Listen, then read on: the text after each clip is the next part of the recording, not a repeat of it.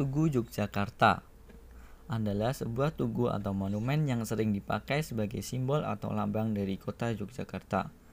Tugu yang terletak di perempatan Jalan Jenderal Sudirman dan Jalan Margo Utomo ini punya nilai simbolis yang merupakan garis bersifat magis yang menghubungkan Pantai Parangtritis, Panggung Krapyak, Keraton Yogyakarta, dan Gunung Merapi. Tinggi dari Tugu Jogja ini adalah 15 meter atau 49 feet yang dibangun pada tahun 1775.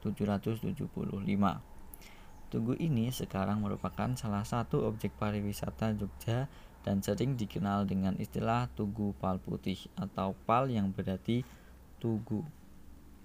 Karena warna cat yang digunakan sejak dulu adalah warna putih. Tugu pal ini berbentuk bulat panjang dengan bola kecil dan ujung yang runcing di bagian atasnya. Jika dilihat dari Keraton Yogyakarta ke arah utara, maka akan terlihat bahwa Jalan Malioboro, Jalan Margo Utomo, Tugu Jogja, dan Jalan AM Sangji